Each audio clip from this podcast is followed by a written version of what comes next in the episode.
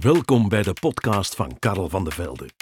Karel inspireert je via gesprekken en tips die je verder kunnen helpen om meer uit je professioneel en persoonlijk leven te halen. Op basis van meer dan 30 jaar ervaring als ondernemer binnen diverse sectoren deelt hij kennis welke jou vooruit kan helpen. Karel doet ook doorlopend onderzoek naar de denk- en doelpatronen van toppresteerders. Vanuit dit onderzoek en zijn kennis deelt hij praktische tips, inzichten en strategieën, kennis vanuit de praktijk voor de praktijk. Zet jezelf in een storingsvrije omgeving, weersta afleiding en geniet van deze inspirerende podcast met Karel van de Velde. We zijn in Amsterdam. We zitten in het prachtige Aitana Hotel op het Eidok. En naast mij zit Danny Verheijen, een, laat ons zeggen, hardcore Amsterdammer, entrepreneur in de meubelbranche. Een meubelceleb, mag ik wel zeggen. Een nieuwe Ja. term, misschien een meubelceleb. Fantastisch.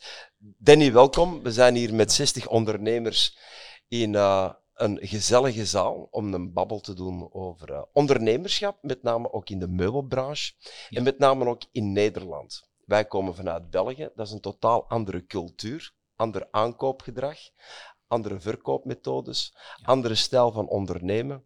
Jij bent echt een Amsterdamse handelaar. Welkom, fantastisch. Vertel eens wat over jezelf. Dankjewel. Nou, ik ben eh, Danny Verheijen, ik ben eh, 49 jaar oud. Ik eh, ben eh, 32 jaar eh, meubelondernemer. Ehm, en doe dat op een hele eigentijdse manier, op een hele eh, aparte manier. En eh, onderscheid me echt van de rest van, van Nederland. En ben inderdaad ook een beetje bekend geworden door het eh, social media. Eh, we hebben 50.000 eh, mensen op eh, Facebook en 50.000 mensen op Instagram. En dat geeft ja, heel veel traffic en dat geeft ook heel, een heel leuk leven. Want ik word ook heel veel benaderd voor televisieprogramma's, voor eh opinieën, voor peilingen, voor kranten. Ja, dat doet het dan wat zich met zich meebrengt. En dat heeft mijn leven totaal ook veranderd. Dus dat is heel leuk. Want als, je je bent oprichter niet, maar wel eigenaar van Driehoekmeubelen. Driehoekmeubelen bestaat 75 jaar. Je bent jonger dan dat, uiteraard. Kan je een Ja. keer vertellen over het ontstaan van, van Driehoekmeubelen, van de zaak? Want het is een zaak van je opa. Ja, mijn opa is, is in de oorlogjaren is die, eh, eh, ja, was hij meubelstoffeerder. En dat deed hij dus met, eh, met twee collega's. En vandaar de naam Driehoekmeubelen. Dat hun gingen op een hoek zich, zich vestigen. En ze waren met z'n drietjes. En eh, ja, daarom eh, vonden hun dat heel origineel om dat driehoekmeubelen te noemen.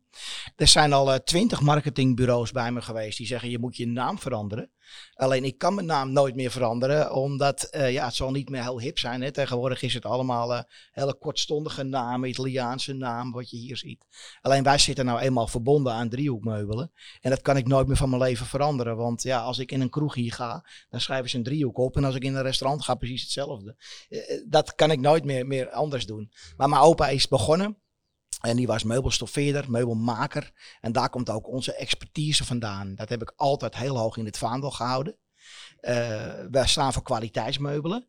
Eh, alleen proberen we dat dan wel op een hele betaalbare manier eigenlijk te krijgen. En dat, ja, dat lukt ons eigenlijk heel erg goed. Ja, mooi. Ik ken jou persoonlijk eh, al heel lang. je was 12 jaar of zo dat ik Ja. jou voor de eerste keer heb gezien.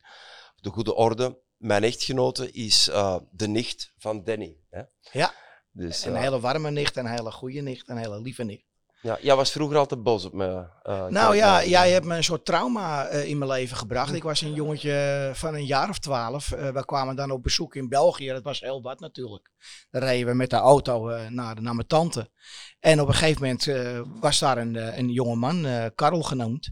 En die zat mijn nichtje maar te betasten en eh, te zoenen en weet ik wat allemaal. En als je dan een jaar of twaalf bent, dan denk je, ja, dat vond ik wel heel erg spannend. en dat vergeet ik eigenlijk nooit meer. Ik heb het net nog tegen je gezegd. Ja. En dat is ook zo. Jullie hadden het helemaal niet door. Jullie waren zo verliefd op elkaar. En zo gek op elkaar. En dat blijkt ook wel, want je bent nog steeds bij, eh, bij dezelfde vrouw. Wat tegenwoordig een unicum is. Zeker hier. Ja, ik heb een goede Maar keuze gemaakt. je hebt een geweldige keuze gemaakt. Maar dat was, eh, je hebt een soort trauma eh, ontwikkeld bij me. Maar wel leuk. Het Nu weet ik beter. natuurlijk omdat ze zo'n fantastische neef had, eh, dat ik gewoon altijd bij haar ben gebleven. Hè? Dat zal het zijn, dat zal het zijn. Nou, we hebben altijd een leuke band gehad. Mm. En ik heb altijd natuurlijk ook, ik ken je al zo lang, tools van je overgenomen. En tot de hele dag. En, en dat is eigenlijk ook uh, zoals het wereld, de wereld wel in elkaar zit. Ik heb een paar keer in mijn leven een beetje geluk gehad met mensen die ik heb ontmoet. Je dwingt het denk ik ook zelf af. Uh, maar dan moet je er ook wel wat mee doen. Als mensen je informaties geven, als mensen je, je, je gereedschap geven, pak het aan, ga het gebruiken. En ga niet uh, ja, in je eigen visie zitten, want veel mensen weten natuurlijk ook heel veel dingen. Ja. En dat heb ik altijd wel gedaan. Mooi. Wat zo opvallend is, dan voor ons Vlamingen. Uh, we zijn nu twee dagen hier met een groep ondernemers in Amsterdam. Uh, onlangs werd mij de geschiedenis een beetje verteld van Antwerpen en Amsterdam. Antwerpen was een handelsstad. Amsterdam was ook een havenhandelsstad. Op een zeker moment zijn de Spanjaarden Antwerpen binnengevallen en gaan bezetten. En er zijn heel veel handelaren vanuit Antwerpen, Amsterdam en Haarlem getrokken. Trouwens, Mhm. Haarlem, op een zeker moment 40% van de inwoners waren Antwerpse handelaren. Nu, Amsterdam is echt uitgegroeid tot een onwaarschijnlijke handelsstad. Kent vandaag ook een diversiteit aan mensen en culturen en nationaliteiten. Kan je iets vertellen van, van Amsterdam? Onze groep is gisterenavond echt prospectie gaan doen, is op onderzoek gegaan in Amsterdam. Hoe leeft het hier? Maar Ja. kan je juist vertellen, want jij bent echt een ras, echt een Amsterdammer. Hoe is het hier? Hoe, vertel eens wat over die Ja, stad. ja, Amsterdam is gewoon, eh, om het heel kort te omschrijven, het is magisch. Het is nostalgisch. Jullie hebben gisteren dan een, eh, een mooie avond eh, beleefd. En ik hoorde dat jullie bij de Harbor Club zijn geweest. Nou, dat is prima vertoeven natuurlijk. Maar met name is het, ik geef een voorbeeld. Ik ga voor, vorige week zaterdag, wat een unicum is, want ik ben eigenlijk altijd in mijn winkel omdat ik dat gewoon heel belangrijk vind. Als ik niet in mijn eigen winkel ben, ben ik meestal onrustig. Maar eh, oké, ik heb mijn kinderen beloofd, we gaan een keer naar Jordaan. Dan heb je een hele ouderwetse slager. En daar, eh, eh, daar is het gezellig, daar is het druk, daar is het warm. Het zit eh, bij de Westerstraat. En wij stappen daar naar binnen met z'n drieën. Nou, mijn kinderen die, zijn niet opgegroeid in Amsterdam. Ik wel. En ehm, ik heb natuurlijk ook al 32 jaar een winkel in Amsterdam. Dus ik, ja, ik kan heel goed natuurlijk met de Amsterdammers. En eh, ik kom daar binnen en er zit een vrouw naar me te kijken zo. En nog een keer naar me te kijken. Ik denk, ach, daar komt wat. Nou, inderdaad. Zegt ze, ben jij, eh, ben jij het? Ik zeg, wat bedoelt u eh, precies? Ben jij van die filmpjes? Ik zeg, ja, ik ben van, die, van die filmpjes die u voorbij ziet komen. Klerenleier, je kost me alleen maar geld, weet je wel. En die hele slager ging zich ermee bemoeien. En, en de mensen, de verkopers gingen zich ermee bemoeien. En mijn kinderen zaten op dat bankje. En die zie ik dan zo naar me kijken van, wat gebeurt hier al? En dat is ook typisch Amsterdam. De mensen, de Jordaanese cultuur. En, en ja, natuurlijk is het veranderd in de loop der jaren. En hebben we heel veel nationaliteiten gekregen. Maar dan vind ik ook dat je als ondernemer de, de kracht op moet brengen. En je zul je moeten aanpassen. Want, en dat hebben wij ook gedaan. Dat weet jij. Ik heb eh, eh, verschillende nationaliteiten ook in dienst genomen. En dat werkt natuurlijk toch veel makkelijker. Er wonen hier heel veel moslims natuurlijk. Heel veel met name Marokkaanse mensen. Wij hebben ook Marokkaanse verkoopster in dienst. Ja, wij weten het al. Komen er van die eh, zo'n familie binnen, gaat zij daar netjes mee om, om tafel. Die mensen voelen zich veel prettiger, veel plezieriger dan, eh, dan mensen die hun cultuur niet begrijpen of wat dan ook. En ehm, nou ja, jij hebt het over, over culturen. Wij weten natuurlijk wel hoe dat werkt. Eh, bijvoorbeeld met, met name met de Marokkaanse mensen. Die geven heel veel weg. En een, een Nederlander, weet je, kan wel heel gul zijn. Maar die gaat niet zijn ouders voorzien van een hele complete nieuwe inrichting. En dat is wel bijvoorbeeld heel veel in die moslimcultuur. Die moeder en die vader, die staan helemaal sky high. Dat is een hele andere beleving dat wij hebben. Is er een, een diverse aankoopcultuur bij Ja. de verschillende nationaliteiten? Zeker. Kan je daar iets over vertellen? Ja, nee, dat, dat, geef ik net al een beetje aan natuurlijk met, eh, met, met de moslimmensen. Wat we dus heel veel zien bijvoorbeeld met de Surinaamse mensen. Dat is een hele andere benadering dat je dan hebt. Die zijn heel eh, open, die zijn heel vrij, die zijn heel, eh, ja, heel makkelijk benaderbaar. Maar die hebben dan vaak weer dat ze elkaar helpen. Dus als er een, een zuster een bankstel wil kopen, dan gaat de familie een beetje een soort van een collecte houden. Om te zorgen dat het bankstel bij die, eh, bij die, bij die mevrouw komt. En eh, ja, dat is natuurlijk ook iets wat heel erg eh, leuk is. En wat, wat, wat, we, ja, wat we meemaken eigenlijk heden dag. En mensen veel op afbetaling natuurlijk ook. En die hebben een bepaalde ja. met name ook die, die Surinaamse cultuur. Die heeft gewoon zoiets van, ik wil het hebben. En hoe het geld er komt, dat zie ik dan wel. En dan komen ze gewoon steeds wat geld brengen. En wij houden daar dan een boekje van bij. Of tegenwoordig dan met de computer het wel eens afboeken. En op een gegeven moment komt het, komt dat bankstel er. En dat is natuurlijk een hele andere beleving voor die mensen. Om zo'n bankstel te krijgen. Dan dat je zo hoog de, de biljetten en de dollars hebt liggen. Uh, dat je er echt voor moet sparen. En dan echt die, die emotie krijgt. En dat is leuk. En creëer je dan ook een speciaal beleving er rond? Want, want jij zit echt in op experience en beleving, hè, denk ik. Hè? Je geeft je klanten toch bepaalde meerwaardes mee? Ja, dus eigenlijk in hebben gespecialiseerd. Wat ik gewoon zag, in, met name in Nederland. Uh, of je komt inderdaad bij de goedkopere winkels. Dus uh, nou ja, dan krijg je een stoel voor je deur geflikkerd. En die moet je dan zelf in elkaar gaan zetten. En je moet het allemaal zelf maar uitzoeken. Of je komt in de middenklasse terecht. Dat ze nog wel netjes naar binnen brengen en dan ook voor de rest geen aandacht aan schenken. Of je komt bij de toparchitecten. Dus dan moet je denken aan de Erik Kuster uh, en de Piet Boon. En dan ga je natuurlijk echt je portemonnee betasten, want dan kom je in een heel hoog segment terecht. En wij zitten eigenlijk in het middensegment, maar wij doen heel veel extra services verlenen. En dat betekent, uh, dat noemen wij een totaalinterieur. Dus er komt de klant binnen, dan gaan we eerst eens heel rustig met die mensen praten wat ze nou precies willen. En wij proberen altijd naar een totaalinterieur te gaan. Want dan maak je een hele andere beleving met de klant. Maar je krijgt ook veel meer ervoor terug. En je gaat ook veel meer klanten daarvan krijgen. En dat betekent, eh, van tevoren gaan ik kijken met de stylist. Ik heb altijd een man-vrouw combinatie, omdat het over het algemeen het makkelijkste werkt. Uh, de man doet vaak het praatwerk en het gebeuren. De vrouw doet vaak de smaak uitzoeken en zorgen dat alles uh, mooi is van kleur. We gaan naar die klant toe, we nemen alles op, we meten alles op, we regelen alles. De klant laten we komen, we hebben daar een hele lijst voor uitgewerkt. We hebben daar een collage voor neergelegd. Uh, tegenwoordig ook een 3D-tekening natuurlijk, want dat uh, is niet meer te ontkomen. En uh, dan gaan we zo'n heel plan aan die mensen voorleggen. en bij de aflevering heb ik daar professionele chauffeurs voor. Die hangen alles op, die maken alles in orde, die zorgen dat de verlichting aan is. Al het vuil wordt meegenomen, komt de schoonmaakploeg in. En we gaan die klanten bellen. En ja, dan krijg je, ik heb alles meegemaakt. Ik heb volwassen kerels in mijn handen gehad met huilen. En ik heb, ik heb uh, topvoetballers bij me gehad die, uh, die ook zijn mijn armen zaten te huilen. En die op, het, op het veld schopten ze je bij wijze van spreken door tweeën. Dus het zijn hele mooie momenten wat je dan meemaakt. En dat geeft heel veel klanten. En ik zat net even met jou, want jij gaat mij vragen stellen. Voor mij is het gewoon uh, naar de data office. Je bent bezig, je weet waar je in zit, je weet wat er gebeurt. En jij zegt, ja, maar wat zijn dan je klanten en zo? Dan heb ik eens gekeken. Ja, daar zit half bekend Nederland zat in mijn telefoon. Ja, want je, hebt, je hebt onwaarschijnlijk veel BN'ers, zeggen we dan. Bij ons zeggen we BV's, maar hier zeggen BN'ers. Ja. Gaande van topvoetballers tot, ja, denk voor ons dan jouw belangrijkste of bekendste klant is André Hazes junior. Die, die heb je een paar keer ingericht, heb, heb je me verteld. André is natuurlijk een hele uh, niet te volgen uh, jonge man. Maar wel een heerlijke man, een beetje ondeugend natuurlijk.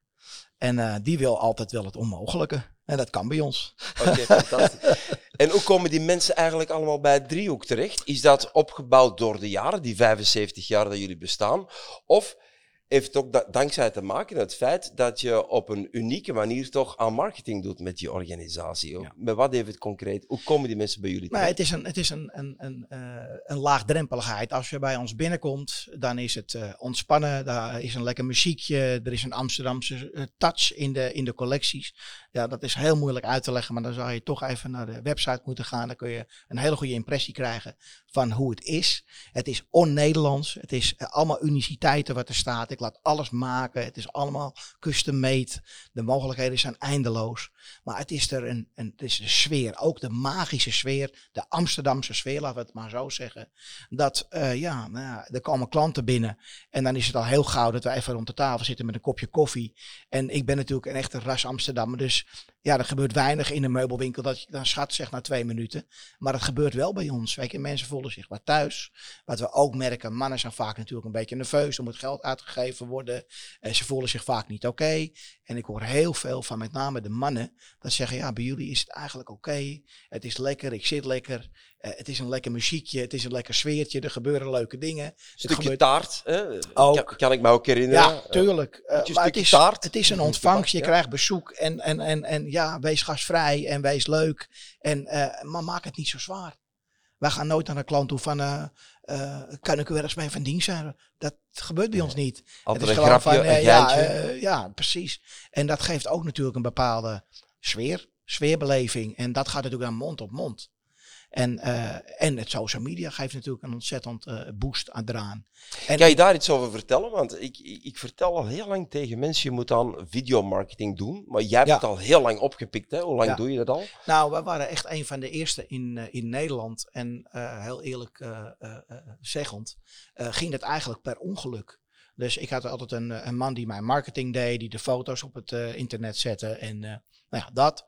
En op een gegeven moment heb ik een keer een, een soort van een filmpje met hem gemaakt. En toen zei die man, hij zegt maar het is hartstikke leuk en het gaat heel, hartstikke makkelijk bij jou. En nou ja, toen hebben we daar eigenlijk ons werk van gemaakt. En ik ga nu elke vrijdagmiddag als enige meubelwinkel in Nederland live in de eigen winkel. En dat klinkt heel raar, maar eh, ehm, dat geeft zo verschrikkelijk veel ehm, actie. Dat is bijna niet te vertellen. En dat zijn ook bestaande klanten die bijvoorbeeld al bij jou een interieur hebben gekocht.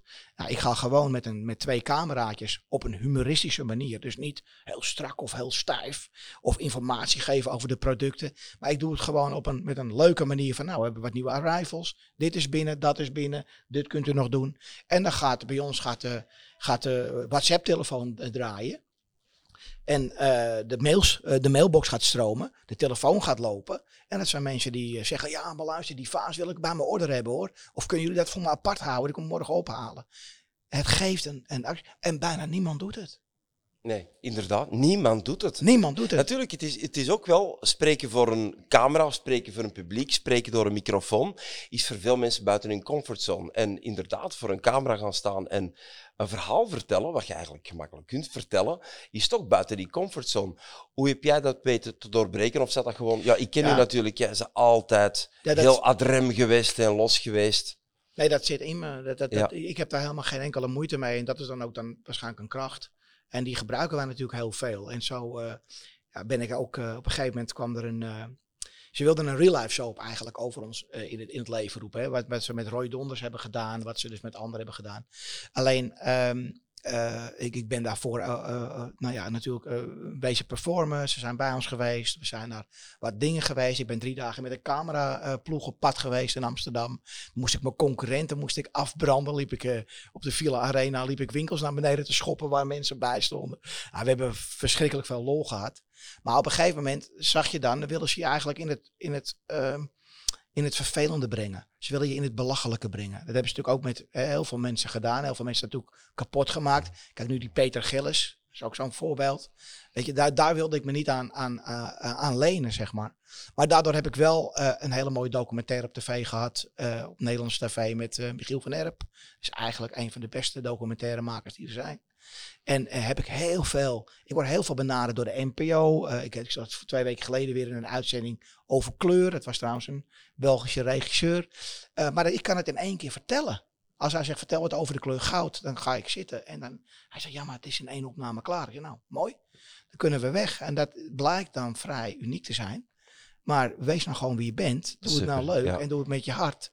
Dan kan het niet mis. Ja, want je hebt ook een, een onwaarschijnlijke reeks van volgers, mensen die uitkijken naar Ja. je release van je video die Ja. vrijdags meestal komt. Hè? Ja. Dus je hebt echt het publiek dat je volgt. Voel je dan ook de trafiek, de instroom van klanten, voel je dat ook onmiddellijk na een video? En in welke mate is dat? En hoe is dat gegroeid? Kan je daar iets van vertellen? Ja, eh, natuurlijk. Ik geef je een voorbeeld. We waren twee weken geleden, je hebt in dat Leidse Dam, hè, daar heb je het grootste winkelcentrum van Europa eh, gemaakt. En eh, nou ja, ik heb tegen mijn vrouw gezegd, we moeten daar natuurlijk wel een keer naartoe om te kijken van, eh, nou, eh, dan kijk ik niet alleen eh, voor mezelf voor leuke spulletjes, maar dan kijk ik ook naar de architectuur, hoe is het gedaan, hoe zijn die winkels eh, van tegenwoordig weer extra gemaakt. Ze willen daar allemaal uitpakken. En ik loop daar met mijn vrouw op, een, op dat pleintje. En op een gegeven moment komt er een jongen op me afrennen en die gaat me knuffelen, een klein kindje. Denk, wat is dit? Dus ik zeg, eh, ik zeg ken ik je dan? Ja, hij zegt, eh, maar, maar u eh, gaat toch verhuizen met uw winkel? Ik zeg, ja, dat klopt. Hij zegt, ja, maar ik, heb u, ik volg u in dit en dat. En toen hij zag dat ik het was, vloog hij weg. En toen kwamen die ouders naar me toe, want hij vond het een beetje eng natuurlijk. En ja, die gaan dan vertellen dat een, een kind gewoon op vrijdagmiddag zit af te tellen tot ik ga beginnen. Zo. Dat is toch heel apart, Ja. zeg maar. Dat was ook voor ons iets on, ja, onbegrijpelijks. Want ik ben zo eens wat onderzoek gaan doen. Eén, ik heb gezien driehoekmeubelen. Hoeveel volgers heb je ongeveer allemaal samen? Dat is een gigantisch aantal. Ik denk dat is meer dan 100.000 mensen over social media. Uh, bepaalde kanalen bij elkaar. Dan ben ik eens gaan kijken naar de grootste meubelzaken in Nederland en in België. Ja. En er is niemand dat tot uw enkels komt. Nee. Met aantal volgers. Best wel bijzonder. Nu, ik ken ook je pa, Robert. Je opa heb ik zelf ooit ook gekend. Die me natuurlijk een stijl van ondernemen altijd gehad. Ik, ik zie heel veel terugkomen bij Danny. De atremheid, de goedlachsheid, de humor, uh, de goede babbelaar. Je pa ook.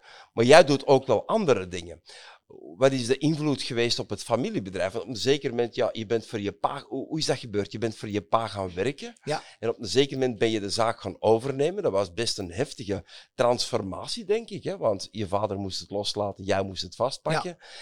Jij had ook een andere manier van denken en functioneren en zijn voor een groot stuk. Kan je daar iets over vertellen? Want veel mensen zitten ook misschien met de situatie dat ze hun zaak aan hun kinderen willen overlaten. En dat is toch niet altijd makkelijk. Hoe is dat bij jullie gegaan? Heel makkelijk. Nee, het is, niks is makkelijk natuurlijk. Uh, nee, ik had met mijn vader vroeger en mijn moeder een vreselijke band. Uh, ik hoorde dat er wat mensen in de zaal zitten die gisteren naar het Leidseplein zijn geweest. Nou, daar was ik dus werkzaam van mijn 17e tot mijn 19e. Ik was een enfant terrible in de, ja, in de familie. Ik, ik leerde niet. Ik vond school vreselijk. Ik had zulk lang haar. Ik kwam weinig thuis. En uh, ze eigenlijk wisten ze niet zo goed wat ze met me aan moesten. Je was ook een gangster. Ja, eigenlijk wel. Maar we hadden een familiebedrijf. En mijn moeder werkte ook in het bedrijf. En uh, vroeger had je nog de koopavond. En op donderdagavond was ik een keer in de, in de winkel. Want ik voetbalde toen uh, bij, om de hoek. En om een lang verhaal kort te maken, het werd een beetje druk die avond. En toen ben ik, ben ik een klant gaan helpen. En die mensen die verkocht ik een, een hele slaapkamermeublement met alles erop en eraan. Dus uh, ja, mijn vader werd een beetje nerveus. Hij zei, wat ben je nou aan het doen? Ik zei, nou, ik ben een heel spulletje aan het verkopen. Uh, zetten wij dat ook in elkaar. Ik had allemaal vragen voor hem. Hij ja, denkt, hé, wat is dit nou? Dus uh, de volgende morgen werd ik wakker en mijn vader zat in de kamer. Hij zegt, geef je één kans? Hij zegt, je gaat naar de kapper, we gaan een mooi pak voor je halen. En je gaat proberen in de winkel. Ik zeg, nou, ik pak Wat was je leeftijd toen? Op die moment? 17, 18 jaar. Ik, ik wilde niet meer leren en ja, van school gewoon vreselijk. Ik, ik, ja. Ze vonden me allemaal heel aardig op school. Alleen ik deed natuurlijk niks. Dus ja, dat, dat werd hem niet. En, en, uh, ja. en toen heb ik mijn vader, mijn vader heeft me heel veel kansen gegeven. Die heeft me ook vrijgelaten. Die is me ook meteen een beetje met de inkoop uh, mocht ik gaan bemoeien. Wat ik ook belangrijk vind, want je moet ook echt jonge invloeden moet je in je bedrijf zetten. Dat doen wij ook. Er moeten jonge ideeën komen, frisse ideeën komen. Want laten we eerlijk wezen, als je zo eh, bijna tegen de 50 zit als ik, ja, dan heb je wel een bepaalde visie. Maar je moet ook wel met de jonge mensen, uh, um, die moeten erin stromen. Die moeten de nieuwste van de nieuwste uh, ideeën op tafel brengen. En dat heeft mijn vader bij mij gedaan. Ik mocht op een gegeven moment ook naar de Filipijnen. Ben ik een maand geweest, mocht ik meubelcollectie samenstellen in dat fossiele steen wat we toen hadden. Nou ja, en dat kwam binnen en dat is zo verschrikkelijk gaan verkopen. En dan krijg je het vertrouwen en dan krijg je de stempel en dan gaat het allemaal vanzelf. Vader is toen helaas een beetje ziek geworden. En toen was ik eigenlijk al, toen twintig was, draaide ik eigenlijk al de zaak in Amsterdam-Noord. Eh, omdat hij de, de, de, steeds minder was door zijn hart. En ja, dat is heel goed geweest. En natuurlijk maak je ook je fouten als je jong bent. Maar ik, wat ik tegen jou zei, het belangrijkste is om van mensen op te steken, dingen op te steken en ja, te kijken waar je, wat je kunt. Heb je naast je vader en, en je oom en je, je grootvader ook beïnvloeders gehad die, die je gestimuleerd hebben? Zeker. Ik, uh, je had vroeger een, een binnenhuisarchitect. En daar keken wij heel erg tegen op. Dat was Herman van Haafden. Jij hebt, hebt hem ook ontmoet. En um, ja, ja, die kwam een keer bij me in de zaak. Ik wist begon niet wie die man was. Ik zit nooit in kantoor en ik ben een jongen van de vloer. Hè. Kantoor vind ik vreselijk. Ik wil op die vloer. Ik wil met die klanten in contact. Ik wil de, de humor uit mensen halen en het leuk maken. Maar ik zat op kantoor, ik loop eruit. Die man wil de winkel uitlopen. Ik zeg, hey, geen koffie tegen die man. Hij zegt, ik wil voor jou wel een kop koffie. En ik begin met die man te praten. En het blijkt dus de grote Herman van Haften te zijn. Die gelijk tegen mij zei, ja, je hebt een mooie winkel. Maar je moet dit doen, je moet dat doen, je moet dat doen. Nou, lang verhaal kort, eh, goed gesprek met die man gehad. En een dag later belde hij me op. Nou was Herman van Haafden eh, een nicht, zeg maar, een, een, van, de, van, de, van de herenliefde. Dus ik eh, schrok een beetje. Dus ik ben op gesprek bij hem gekomen, heb mijn moeder meegenomen. Want ik denk, ja, weet je, daar heb ik natuurlijk helemaal geen zin in. Ik ben van de vrouwenliefde. En eh, nou, we hebben een heel leuk gesprek gehad. En hij zei het ook van, eh, ben je bang voor me? Ik zeg eigenlijk wel. Ik zeg, maar ik heb mijn moeder meegenomen, gaat niks gebeuren, weet je. En dat werd een vriend van me. Een vriend ja, met een heel groot leeftijdsverschil van 30 jaar. En die man die heeft me de hele binnenhuisarchitectuur geleerd. Die heeft me leren tekenen, die heeft me smaakcursussen gegeven. Die is me gaan, gaan leren hoe je indelingen maakt. En eh, ik ben eigenlijk drie jaar non-stop met die man bezig geweest. En ja, die heeft me ook op een veel hoger level getild. Wij wisten vroeger niet wat een kapet was. En nu eh, verkoop ik eh, tien kapetten in de week. Want dat is ook de transformatie die ik persoonlijk bij jezelf... Je bent de jongen van de handel. hè? Ja. Je bent een heel goede handelaar. ja. Maar door de tijd ben je helemaal getransformeerd en ben je echt een uh, interieurspecialist geworden. Ja. Dus daar zit je... Dat, dat is de omslag geweest Ja. van de hele firma. En dat geeft ook het succes. Wij zijn eigenlijk eh, laagdrempelige totaalinterieurs. Kun je bij ons kopen tegen een, een zeer goede prijs. En dat is er eigenlijk niet in Nederland. Dat, je komt of in het hele hoge segment. Of je komt eh, in het lage segment. En dan moet je het zelf uitzoeken. Hebben jullie ook Belgische klanten trouwens? Ik- Van het- Zeker. Zeker, ja. Zeker. Wat zijn nu de verschillen tussen Vlamingen, Belgen en, eh, en Nederlanders? Nou, ik- wij hebben heel veel eh, eh, uit Antwerpen de Joodse ehm, gemeenschap en dan met name de goudhandelaren. Oké. En daar stikt het van, zeg maar, bij mij in de winkel. Dat is ook natuurlijk weer een vlek van mond op mond, wat dat gaat geven. En ja, nou ja, dit is, die, die zijn, zeggen wij, altijd op de prijs. Maar wel altijd bijzonder aardig en uiteindelijk eh, heel dankbaar. Dus daar hebben we heel veel eh, mensen van, hele grote families. En eh, ja, zeker. Oké. Jullie werken... En zijn er ook verschillen tussen, ervaar jij tussen, want je zei er straks ook, ja, Belgen zijn altijd een beetje terughoudend. hè. Ja, Uh, ja, ik ken Nederlands, ik kom veel, kom al lang, kom al heel mijn leven in Nederland. Ja. Nederlanders zijn soms echt right in your face, hè? ook in, in, in jullie familie, jullie zeggen het gewoon. recht voor raad. Wat zijn ja. voor jezelf de, de verschillen dat je ziet tussen Vlamingen en Nederlanders? Nou, we pikken ze er eigenlijk zo tussenuit. Zijn natuurlijk over het algemeen bescheiden. Bescheiden mensen. Ehm, eh, heel, heel goed aardig. Hè? Heel, eh, heel, heel gemakkelijk voor ons. Ehm, ja, eh, ze zijn lief. Ze zijn heel erg eh, eh, zacht. En, en, eh, en gelovig. Zeg maar. Weet je, en een Amsterdammer of een Nederlander kan nog wel eens zeggen van... Ja, mooi zit het nou eigenlijk echt in elkaar? En klopt dat wel? En kan dat wel? En, en dat, eh, moet ik eerlijk zeggen, eh, hoor je niet schek. Dus eigenlijk wel. zijn wij gewoon schattig. Ja, eigenlijk wel. Heel lief. Ja, ja, Oké. ja. Ja, wij vinden jullie gewoon glad. Ja, Nee, dat ja. is al- ja, Dat is ook wel zo. Nederlanders hebben een bepaalde gladheid. Zijn, Ja. zijn dikwijls ook wel hustlers. En dat heeft natuurlijk te maken ook voor een stukje Ja. met de geschiedenis. Hè? Dus hoe dat de geschiedenis heeft ge- gevormd. Mooi. En jij bent dan zo die typische... ehm, ja, laat ons zeggen... Ja, ik, ik vind jou eigenlijk een heel Burgondische ondernemer. Ja. Mensen worden ja. in de watten gelegd als Ja. ze driehoek binnenkomen. Dat, is, dat was vroeger bij, bij je pa zo, bij je opa zo. Ja. is vandaag nog altijd bij jou. Het is heel toegankelijk. Je komt precies net in, in de familie binnen. ja, En je verzorgt de mensen heel erg. maar dat deden we vroeger eigenlijk al. We hadden vroeger een, eh, een winkel in de Versvinderstraat. Dapperstraat, dus Mhm. met de Dappermarkt voor, eh, voor de deur. Die had mijn oom dan, die, eh, die winkel.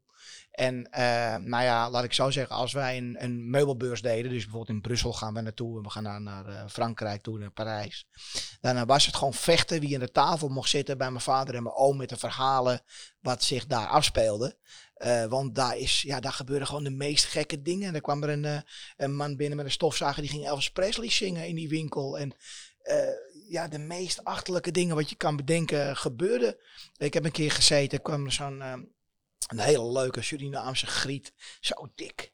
En mijn oom zat aan tafel en die ging mijn oma masseren. En toen kwam net mijn tante binnenlopen, weet je. Ja, dat, er gebeuren gewoon hele gekke dingen, hele rare eh, dingen. En dat was eh, ook heel eh, on-Nederlands en heel, ja, heel apart. En eh, de moppen en de grappen en de grollen, en dat hebben we altijd gehad eigenlijk. En dat doe ik nu nog. En ook als ik mijn uitzending op vrijdagmiddag doe, doe ik dat met een knipoog, met een, met een, met een lach, met een plezier. Humor. Hu- Met een plezier. Eigenlijk, het patroon dat ik bij jou ontdek, is humor is de rode draad Ja. bij driehoek meubelen. Zeker.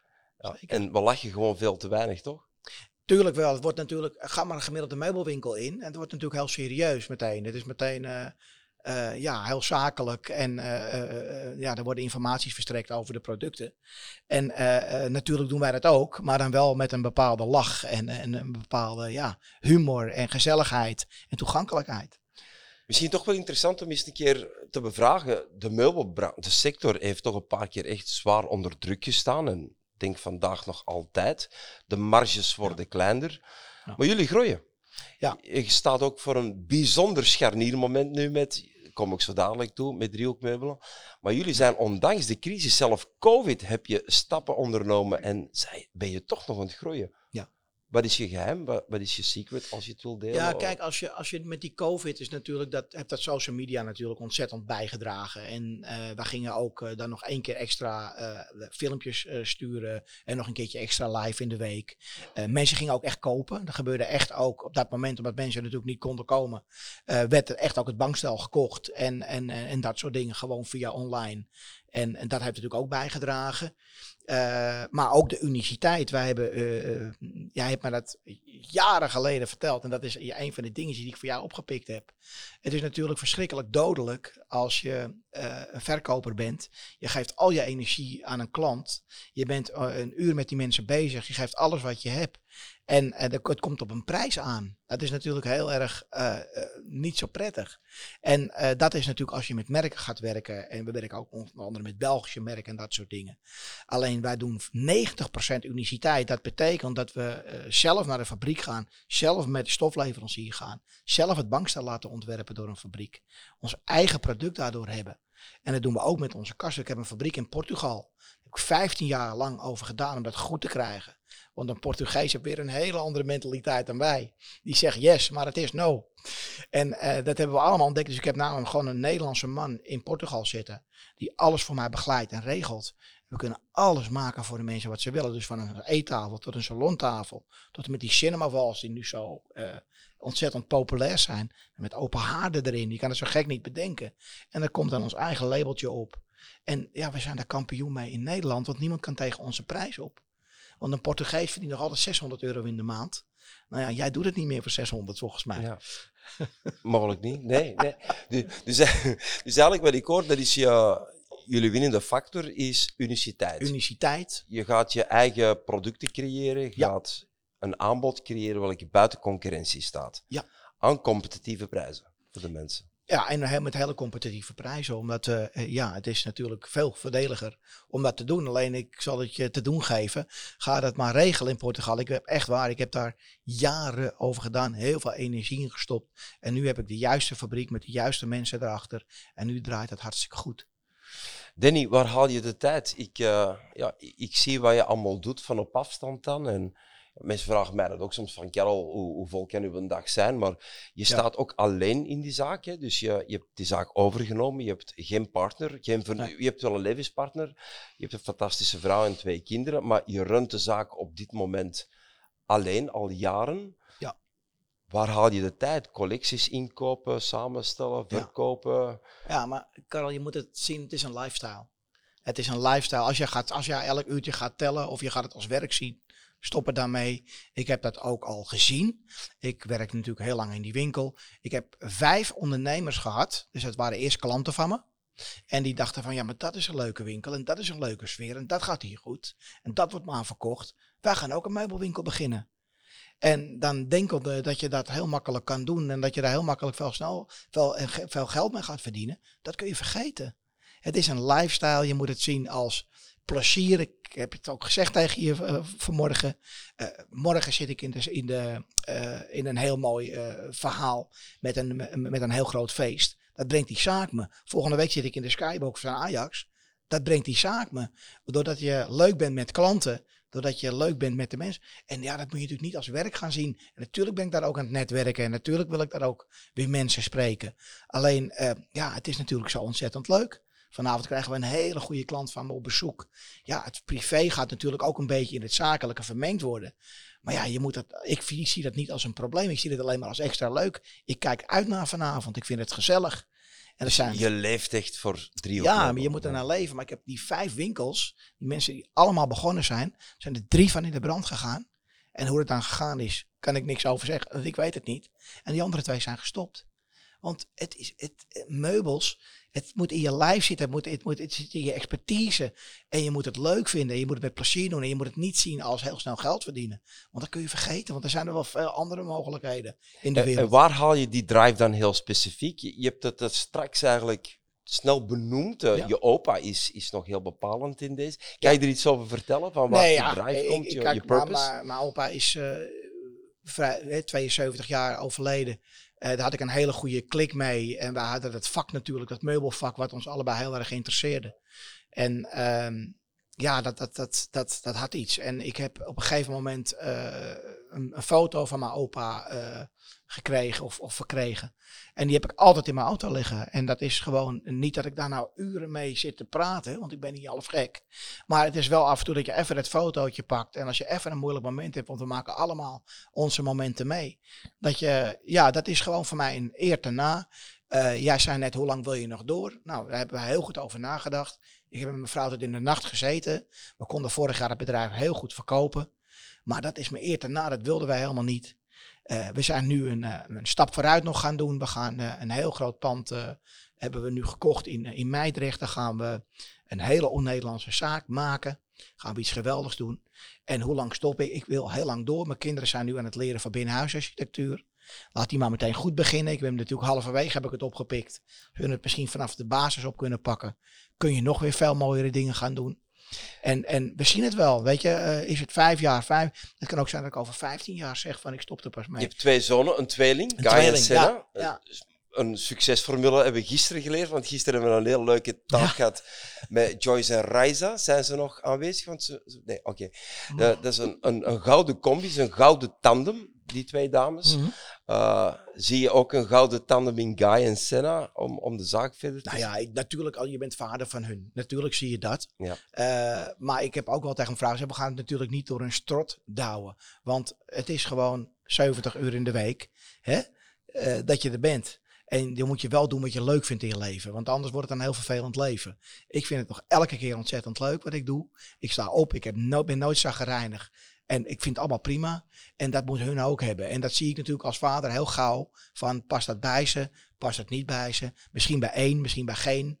En dan moeten we een andere be- iets bedenken. Maar wij willen gewoon, mijn, mijn, mijn doel in mijn leven is dat we die firma Driehoekmeubelen, waar ik mijn ziel en zaligheid in gegooid heb, eh, die moet goed terechtkomen. Hoe dan ook. En, en, en, en ik zie dan wel eh, hoe dat gaat.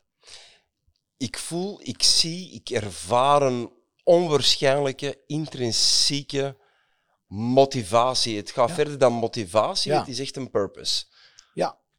Ja, Om het is eigenlijk mijn leven. En, en eh, natuurlijk hou ik heel veel van mijn vrouw en mijn kinderen. Maar de zaken hebben bij mij eigenlijk altijd op één gestaan eh, waar dat kon. Ja. Ja. En het geeft je heel veel terug. Ja, het, geeft, het, het geeft me alles terug. Dat, Ja. dat geef ik net aan. Eh, Het is eigenlijk, kijk, voor mij is het nu een, een, een, een naar de day at the office. Maar als je nou in die telefoonnet gaat kijken en ik zit te scrollen. En je zit met mensen uit, eh, uit Manchester, van Manchester United te, te appen.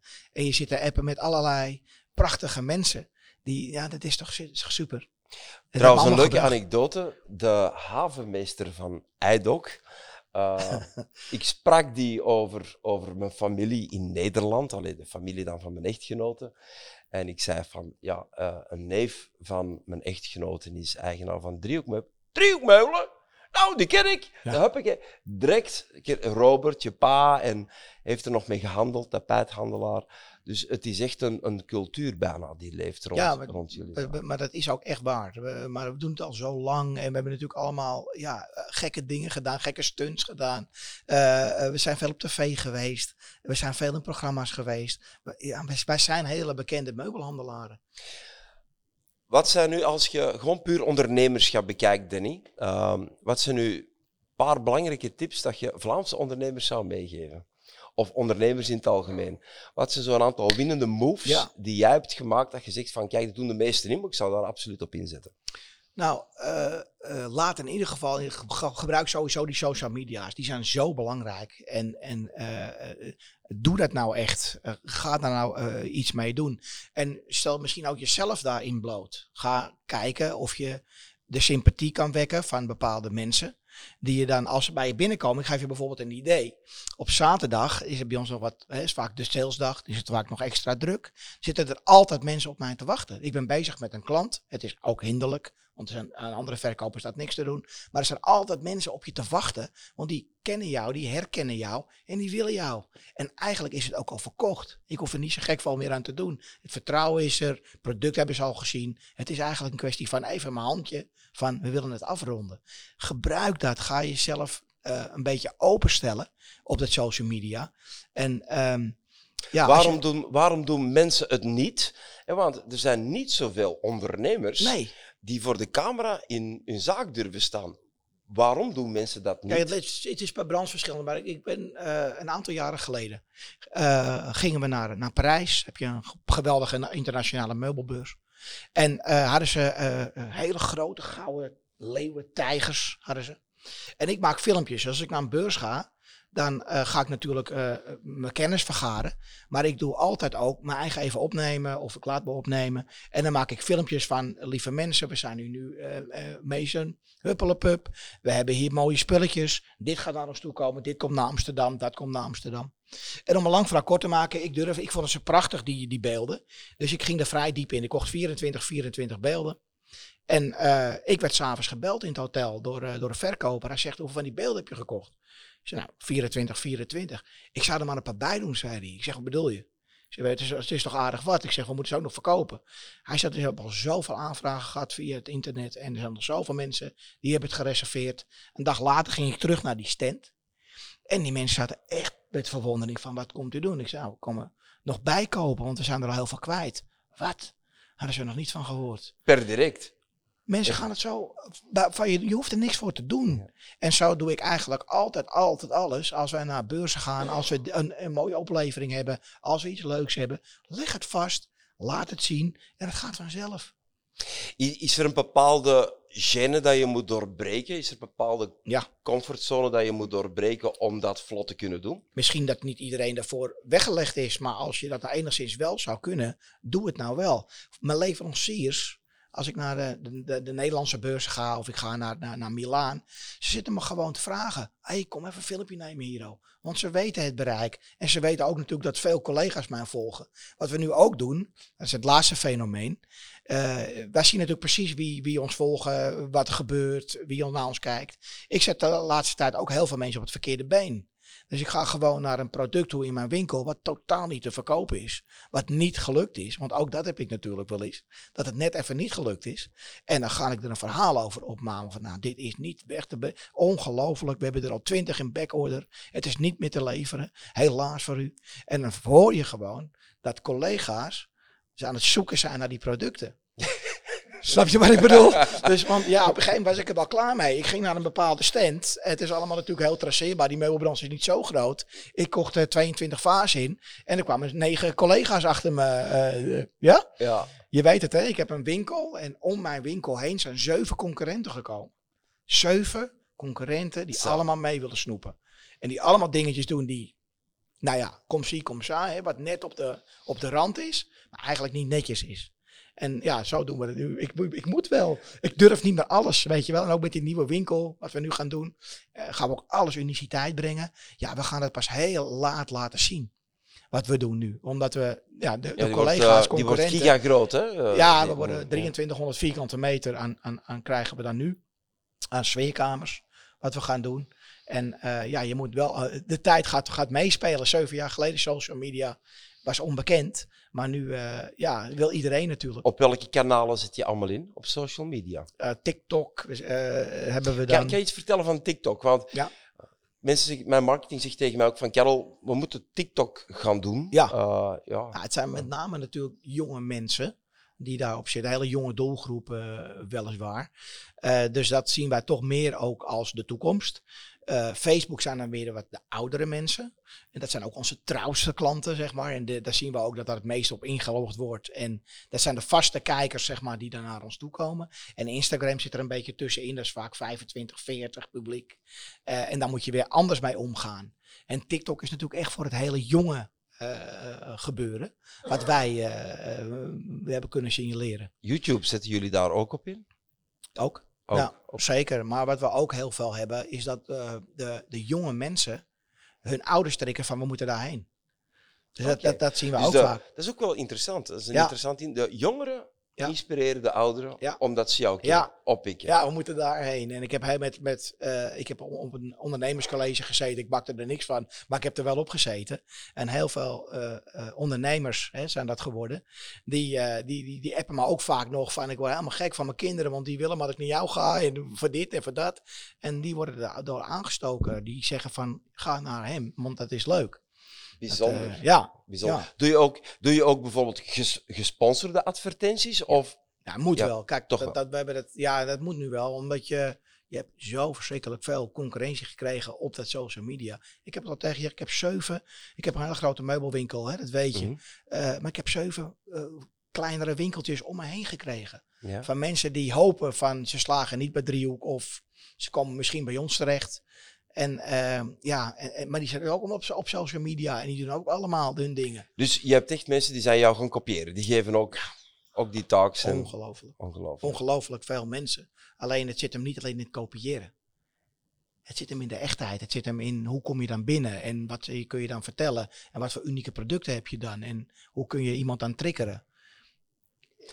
Wat- En waar zit je netwerk? ja, als je het nu zou vertellen, zou je geheim ook misschien verklappen. ja, maar ja, denk, niet dat er, denk niet dat er een geheim is. Jij bent wie je bent. Ja, En eigenlijk wel. je zei wie dat je zei. Je doet ook niet anders voor een video dan dat je zei. Je bent gewoon een aardige vent voor de mensen. Ja. En ik denk dat dat toch ook een, een verschil is. Dat- En, en toegankelijk mensen geven, laat ik altijd zo zeggen, graag geld bij ons uit. ja. En dat, dat is eigenlijk vrij uniek. ja. Ik was ooit... ehm, Op de Porsche dealer na dan, hè? ik- Ja, je- sorry? Ik zeg op de Porsche dealer na dan. Als je een Porsche gaat kopen, natuurlijk wil, je dat. Maar je snapt wat ik bedoel. eh, we zitten in een bepaalde eh, eh, segment en in een bepaald verhaal. Maar mensen geven vaak met plezier. Het, het is leuk, het blijft leuk, de sfeer is leuk. Ze krijgen vaak nog een flesje wijn mee van ons. Weet je, dat soort dingetjes. Ja. Ja. Ja, en jullie hebben een heel trouw cliënteel. ik het. Ja. Het, het lijkt alsof dat je een community aan het bouwen bent Ja. van, van klanten Hm. die gewoon lekker... Ik kan me herinneren, dus, eh, jij was toen heel jong. Lee Towers kwam toen een keer optreden voor een bepaalde viering in jullie zaak. En ik was daar toen ook te gast. Eh, samen met Moreen waren we in de zaak. En ik zag allemaal mensen staan en die werden niet geserviced, omdat alle verkopers waren aan het schrijven. Het was druk. Ik ben toen bij je vader een orderboekje Ja. gaan vragen. Ja, ja. ik dacht, ik, ik ga gewoon even Ja. assisteren. Ik heb daar, denk ik, ik weet niet, een, een reeks orders geschreven. Ja. Waar mijn eerste sales in de, in, de, in de meubelbranche. Maar mensen kochten gewoon spontaan. Ze vroegen ook van, kan je het nou noteren? Ja. Kan je het? Ging zo makkelijk. Ja, dat, dat, is, eh, ja, dat is het. Het is wel veranderd nu. Het is Ja. nu veel meer ehm, eh, advies wat ze willen hebben. Het is, eh, de wereld is veranderd. Hè. Het wordt mooier en mooier. Kijk naar dit hotel. En kijk naar dit hotel eh 30 jaar geleden. Het is een wereld van verschil geworden. En dat is bij ons natuurlijk ook. Het zit veel meer smaak aan. we, we combineren dat ook mooi. Maar het wordt nog steeds heel makkelijk gekocht. Oké. Ja. Zeg, tip. Ga die social media gebruiken. Ga inzetten, videomarketing. Ja. Maar wat is nog een tip voor ondernemers? Wat zou Nou, wat ik altijd doe is, eh, wat het ook is, hoe het ook is. eh, maandagmorgen eh, kom ik op de zaak. En dan ga ik altijd met de, de, eerst met de sales team ga ik zitten. Dan drinken we koffie. En dan mag iedereen vertellen hoe die zijn week ervaren heeft. En hoe, dat, hoe dat voelt, hoe die in de wedstrijd zit. En, en, en, en, en nou ja, eh, wat goede tips zouden zijn voor de zaak. En, en ook die heb ik van jou, eh, eh, ik denk twintig jaar geleden gehad. En de eerste drie keer dat je die vergadering doet, is dat helemaal niet zo prettig. Want dat moet je, moet je even in zoeken van hè, hoe kan ik daar nou het beste uithalen. Eh, maar, En wat moet eh, ik vertellen? Hè? Want Precies, ja, ieder- iedere maandag, dat zijn er natuurlijk Ja. toch een stuk of 40, 45 ongeveer op een jaar die je moet doen. Ja. Ja, maar je moet het wel doen. En, en daar hou je de, de, je haalt de ellende eruit, zeg maar. Hè. Je haalt dus de, werken met mannen, werken met vrouwen, werken met zoveel mensen, met zoveel inzichten. En de een zal het inzicht anders hebben dan het ander. Maar als je dat goed met elkaar kan coachen, als je dat goed met elkaar hebt, dan heb je natuurlijk al het eerste gewonnen van de week. Dan is de sfeer ook weer prettig in je zaak. En je kunt natuurlijk gewoon aangeven van jongens, wacht even. eh, wat, wat moeten we doen? Hoe zien jullie dit? Hoe zien jullie dat? En, ehm, en sales training geef ik altijd. Dus eh, je hebt wat sterkhouders in de zaak, je hebt iets mindere goden gewoon. En de, de, de sterkhouders gaan de goden altijd even weer even laten zien. Doen gewoon wat voor. Van, ehm, nou ja, dit zou je misschien zo kunnen doen, dat zou je misschien zo kunnen doen. Om met z'n allen het beste resultaat te halen. En dat is ook echt iets wat ik adviseer. Ga gewoon zitten met je mensen. Zorg dat iedereen op dezelfde level met jou zit. Want dat zijn wel je visitekaartjes voor, de, voor je zaak. En het is niet altijd makkelijk. Ik heb ook wel eens een beetje ellende in de vergadering gehad. Maar ik blijf het wel doen. En het blijft wel altijd ook goed dan. Ja, die, die maandagmorgen meeting is een beetje de, het startschot van de Ja, week. Mensen hebben de weekend verteerd. Bij jullie, jullie zijn ook zaterdags open, dus, hè, dus er, is, er is dan een dag tussen. Maar die maandagmorgen van on, dat zijn de targets, dit Juist. moeten we doen. Iedereen kan even ventileren. Je bent gelijk vertrokken, het team synchroniseert en samen als een ploeg ben je weg. Ja, Dat is het. Ja. En daarna ga ik altijd nog in de middag eh, eh, de expeditie doen. Dus de mensen die het wegbrengen. Want je kan het aan de voorkant hè, in de verkoop nog zo goed doen. Als je chauffeurs eh, het niet goed doen bij de klant, heb je nog niks. Dus in de namiddag, als die jongens terugkomen van hun, van hun ritten, ga ik altijd met hun ook een half uurtje zitten. En dan nou, bespreken we alles uit. En, en dan hou je een goede feeling in je bedrijf. En dan, dan, dan blijft die sfeer goed. Want dat, dat blijft voor mij het belangrijkste. Je bent ook een mensmens, hè? Ja. Eh, wij- je raakt ook altijd mensen aan, trouwens. Wij, als, Ja. je, als, je, als je met Danny praat, die raakt je aan. Je, Ja. je zoekt de connectie op, maar dat doe je ook op, op je werkvloer. Je praat met iedereen, doe je met je klanten. De mens laten zien in jezelf. In welke mate is dat belangrijk in, in je handel? Ja, in alles. Eh, Maar dat is gewoon wie je bent natuurlijk. Je, bent- je, je, je, je moet geen spelletje spelen. Als je eh, niet gaat zijn wie je, wie je bent, dan zak je natuurlijk ook helemaal weg.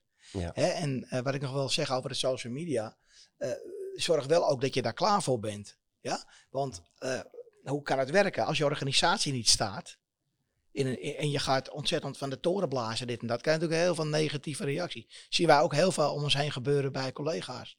Dat je denkt, wacht even, ze willen wat doen. Maar eigenlijk klopt het hele fundament niet.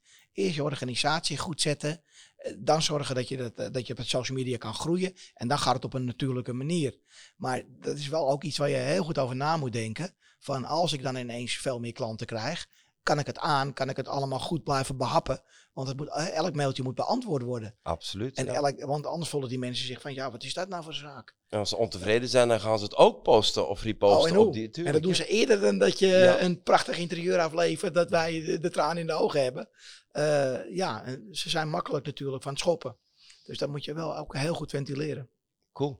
Danny, we hebben tw- twee waardevolle tips. Gebruik die social media. Twee, ga die maandagmorgen meetings doen. Drie, Absoluut. ga eerst de fundamenten goed absoluut. voordat je op social media gaat. Heb je nog een vierde en een vijfde tip voor ons? Die... Nou, wat ik altijd heel belangrijk vind is er zijn. Wat we dus gezien hebben, jij had het over crisis in die meubelbranche. Wat gaan veel ondernemers doen? Die denken, nou, het is rustig. Eh, nou, vandaag maar eventjes niet. Dat is wat we heel veel gezien hebben. Ik heb heel veel collega's, heel veel concurrenten weg zien gaan, weg zien gaan door de jaren heen. Omdat ze dan eh, het eigenlijk opgeven. En dat moet je nooit doen. Ik heb ook moeilijk gezeten. We hebben ook lastige jaren gehad. We hebben ook wel eens gehad dat ik, de, dat ik drie maanden naar mijn werk ging. Dat ik dacht, nou, weet je, het moet, weet je. Maar ga er naartoe. Ga er zijn. Wees er altijd. Eh, je kan een klein, van een klein iets kan je iets groots maken. En je moet het voorbeeld geven aan je mensen. Dus gewoon volgaan en eh, eh, ja, maak, je, maak je plezier in je zaak. En dan gaat het vanzelf, krijg je de bol mee. En ga Ja. vanzelf je mensen stimuleren om ook oké te zijn. En dat is veel belangrijker dan, dan geld. Ja. ja, want geld is eigenlijk nooit een... Ik ken jou al lang. Ja. Is, je hebt natuurlijk een mooi huis. Ja. Je, hebt, eh, je hebt een leuke lifestyle. Maar dat is voor jou nooit het belangrijkste geweest. Er Nee. was je, eigenlijk, je hebt natuurlijk mooie meubelen. Ja. ja. Maar geld is eigenlijk nooit een driver geweest. Nee. Ja. Nee, nee dat, dat heb ik nooit gehad. Dus, dus, dus eh, nee, dat is voor mij niet het belangrijkste geweest. En nog steeds niet. En verstandig, want geld is gewoon een bijproduct van datgene wat je graag Wat, en goed doet. wat moet je ermee? Ja. Laten we heel eerlijk wezen. Natuurlijk, je moet wel zorgen dat je kan leven en dat je kinderen eh, school kunnen hebben. En ik heb een mooi huis, ik heb een mooie auto, hoeft ook niet. Eh, maar maar eh, ja, dat, dat is omdat het kan. En als het niet had gekund, had ik er niet eh, me slechter in gevoeld. En mijn vrouw heeft dat precies hetzelfde, dus heel makkelijk. Want je weet de vrouw die ik hiervoor had, hè? Ja. Oké. ja, dat was anders. Ja, precies. Ja.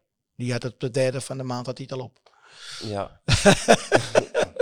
Dus dat is, ook, dat is ook iets. Wat voor partner heb je naast je? Dat is ook heel belangrijk. En ik heb een vrouw, ja, die vindt het prima. Ja, mooi. Ja, daarover hebbende, je, je werkt hoeveel uur per week ja, werk je? Kan je dat inschatten? Ik, vind, ik, vind, ik blijf benadrukken, ik vind het absoluut geen werk.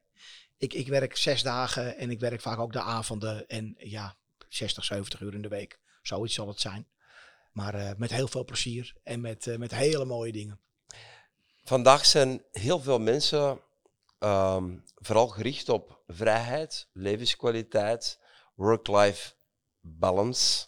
Ja. Het is iets van deze tijd. Veel mensen burn-out. En hoe, hoe kijk jij er tegenaan? Hoe, hoe leeft dat in Nederland de dag van vandaag? Nee, ja, dat, dat, is, dat hebben wij natuurlijk ook heel erg veel mee te maken met de, de, de werkdruk en de stress die mensen hebben. Maar ik denk toch dat, dat ze dan voornamelijk iets doen wat ze niet leuk vinden. Mhm. Dat is waar, hè, dat, ik denk dat daar eigenlijk de meeste problematische verhalen van komt. En als ze gaan klagen van ja, ik moet weer 40 uur werken. Ja, als je het zo gaat zien, dan wordt het natuurlijk helemaal lastig. Want je moet elke week doen. Ervaar jij een transformatie bij mensen, laat ons zeggen na COVID?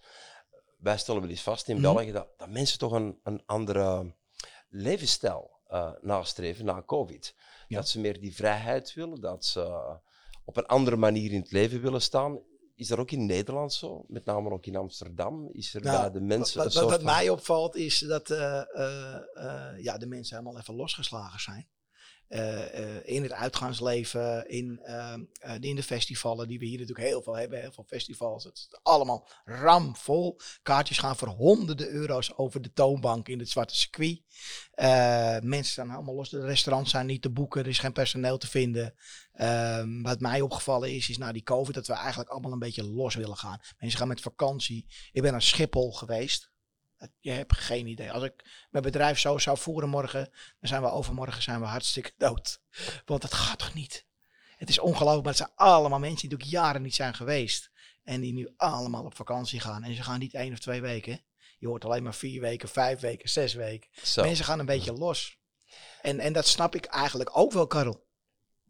Waarom? Nou ja, mensen hebben jarenlang natuurlijk dat niet kunnen doen. En willen dat nu gewoon inhalen. En, en eh, dat is ook denk ik een beetje de prijsconsequentie die er is. Want ook dat moet ingehaald worden. Het gaat ook natuurlijk nergens meer over. Over prijsconsequentie. Ja. Jullie, jullie werken natuurlijk ook met grondstoffen en, en, en, en. Ja. Hoe, hoe ga je daarmee om? Want de, Ja. grond, de grondstoffen zijn duurder geworden. Dus dat, je hebt orders die geschreven zijn. Ja. Die moeten uitgeleverd worden tegen een prijs die afgesproken is. Maar ondertussen Ja. koop je duurder in. Ja. Hoe, hoe, pak je, hoe ga je daarmee om? Nou, wat wij gedaan hebben, eh, ik werk dus eigenlijk met, eh, we doen heel veel omzet, eh, maar we werken dus met vier leveranciers heel groot. Dus ik doe met één leverancier bijvoorbeeld over een miljoen euro inkoop aan bankstellen. En daar ben ik gewoon mee gaan zitten. Ben gewoon met die directie gaan zitten van jongens luister, eh, we hebben een probleem, we moeten een tussenweg gaan vinden. Jullie zullen iets moeten doen, wij zullen iets moeten doen en dan kom je tot een resultaat. En zo hebben we het eigenlijk gedaan. En zo heb ik het ook met de andere leveranciers gedaan. Eh, gewoon met elkaar blijven zitten. Wij pakken iets minder marsje, hun pakken iets minder marsje. Want anders ga je zelf uit de markt je, prijzen. verdeelt, je verdeelt een beetje We hebben het verdeeld. En Wat dat trouwens is heel de, veel- de kracht geweest. Ja. En dat is ook van jou volgens mij. Dat je op een gegeven moment hebt gezegd, als je met 22 leveranciers een beetje doet, dan ben je eigenlijk van niemand een klant. Mhm, En wij hebben dat gewoon beperkt. Ik heb er wel natuurlijk een, eh, voor het risicoprofiel een background achter. Ik kan heel makkelijk uitwijken met de collecties naar een, een- andere leverancier. Maar we proberen zoveel mogelijk ook onder te brengen eh, bij bepaalde leveranciers. Waardoor we bonussen krijgen, waardoor we interessanter worden. En waardoor we ja, heel makkelijk natuurlijk volgetrokken worden en alles. Ja, je wordt een waardevolle klant ook voor je leveranciers. En dat is Ja. ook heel bepalend. En veel mensen melken hun leverancier, een toeleverancier uit en worden ook minder belangrijk. Of ze besteden links en rechts en ze zijn voor niemand niet belangrijk. Dus ga een goede relatie aan met je leveranciers.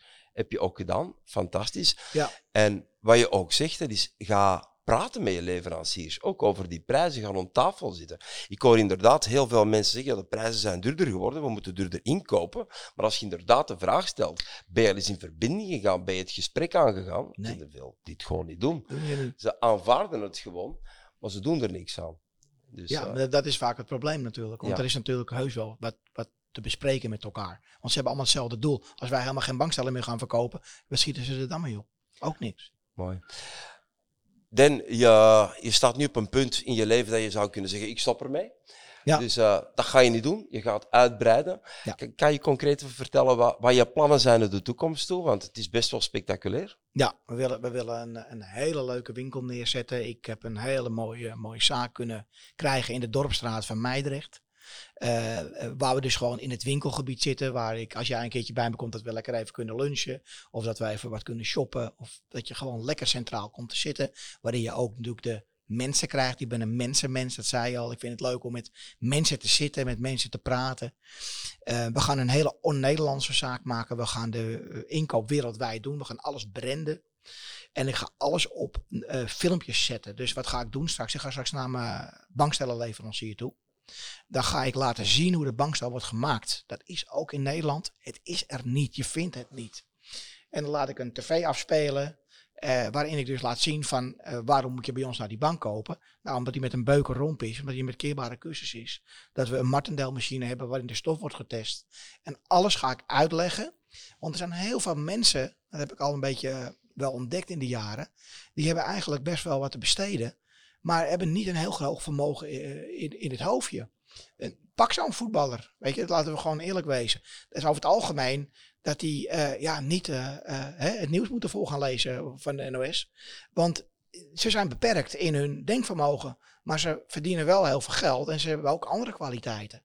En daar gaan wij een, een hele winkel eigenlijk voor bouwen. Waarin we alles gaan uitleggen. We gaan naar Portugal, naar de fabriek. We gaan laten zien hoe het gemaakt wordt. Wat de mogelijkheden zijn. Want mensen hebben vaak ook geen idee. Ik heb een winkel met uniciteit. Als jij een kast ziet, heb ik 25.000 kasten staan. Want alles kun je aan die kast eigen maken. En we eh, willen geen kansen missen. Dus we gaan allemaal tv's ophangen in die nieuwe zaak. En dan gaan we alles laten zien van de producten, van de bedden, van de banken, van, het, eh, van de kasten en de spullen. En van alles wat wij doen, laten we zien van, maar zo wordt het gemaakt. En daarom moet het bij ons komen. En heeft u eigenlijk rechtstreeks van de bron, heeft u het product.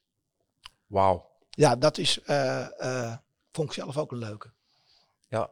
Eh, Wat mij opvalt, dat is... Ik weet niet dat jullie, want we zitten hier met, met 60 mensen Ja. ongeveer samen. Voelen jullie ook die, die diepere overtuiging en die energie en die passie, die een Ja. meubel-DNA, dat je gewoon in en uitademt. Het, het hangt gewoon hier in de ruimte.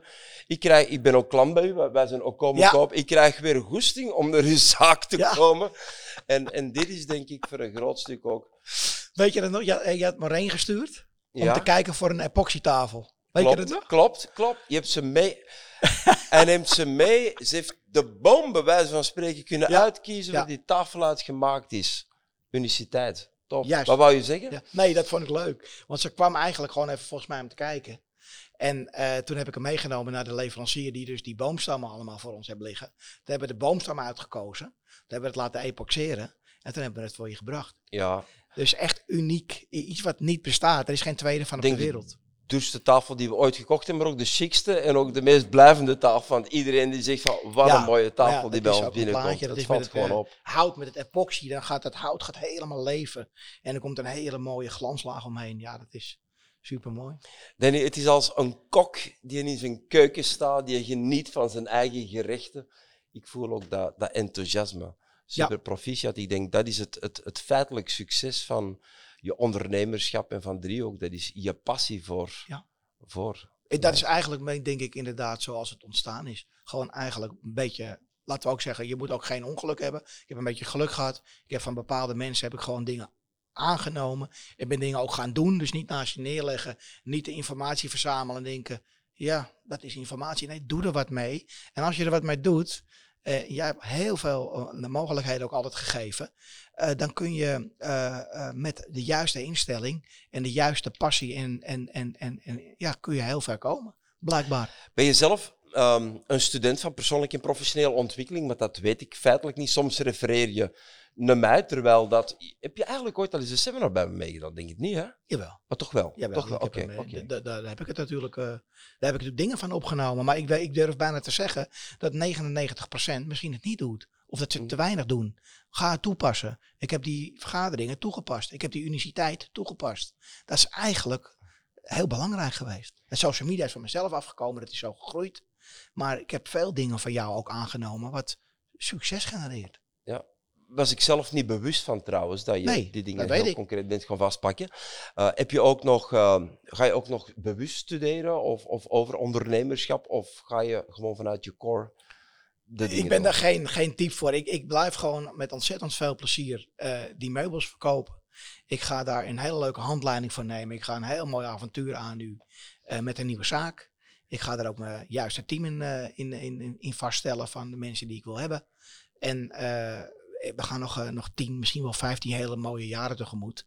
En uh, ja, ik heb er ook heel veel zin in. Top. Wat zijn de basisactiviteiten waar je uw tijd vooral naartoe gaat? Wat bedoel je? De basisactiviteiten, de, ja? de kernactiviteiten waar jij het meeste tijd aan besteedt als ondernemer? Uh, dat is de inkoop en de verkoop. Dus, dus uh, we zijn heel erg met, met het inkoopverhaal natuurlijk bezig ook. Want dat is natuurlijk alles wat je... Uh, je collectie. Tuurlijk. Mhm. Collectionering bepaalt natuurlijk je succes. En, uh, en de verkoop is natuurlijk eigenlijk gewoon het allerleukste. Ja. Mooi. Hoe kunnen mensen drie ook meubelen vinden? Uh, wat bedoel je? Hoe, ja, er zijn waarschijnlijk duizenden mensen die deze podcast beluisteren oh. of bekijken. Hoe kunnen mensen drie ook meubelen vinden? Nou, we, we, zitten in Amsterdam-Noord nu. Uh, we, staan, we zitten op de Vuurwerkenweg 1 tot 5. Je kunt ons zeker even bekijken op de uh, social media kanalen. Op de Instagram, de TikTok, de Facebook en de YouTube. En uh, kijk op de website om een impressie te krijgen. We hebben een prachtige website, ook een on-Nederlandse website. Waarin we hele mooie dingen laten zien. Fantastisch. Ik wil mensen absoluut aanbevelen, gewoon uit curiositeit, zoals wij dan al zeggen, op zijn minst eens een keer te kijken op social media naar driehoekmeubelen. Want je bent een en al uniciteit, niet alleen in Nederland, maar ik denk in heel Europa. Fantastisch. Dankjewel. Danny, hartelijk dank voor deze podcast, voor je aanwezigheid. Wij inviteren u, we gaan straks met bootjes varen op het water, met lekker lunchje erbij. Uh, feel free, ik weet dat jij het onwaarschijnlijk hartstikke druk hebt om het op zijn Nederlands te zetten. Vrij van verveling, zeggen wij in Vlaanderen. Je bent welkom. Be our guest. Bedankt dat je hier waart. Een dikke merci. Was heel leuk. Dankjewel. Top. Mooi.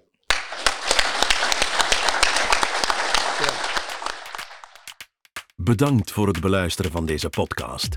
Beluister zeker ook de andere afleveringen. Je kan Karel ook volgen via zijn social media kanalen zoals Instagram, Facebook, LinkedIn, Twitter en YouTube. Dagelijks deelt hij tips en quotes. Verbinden is de boodschap. Ben je ondernemer en wil je graag meer omzet, winst, inkomen, vrijheid en levenskwaliteit tot stand brengen?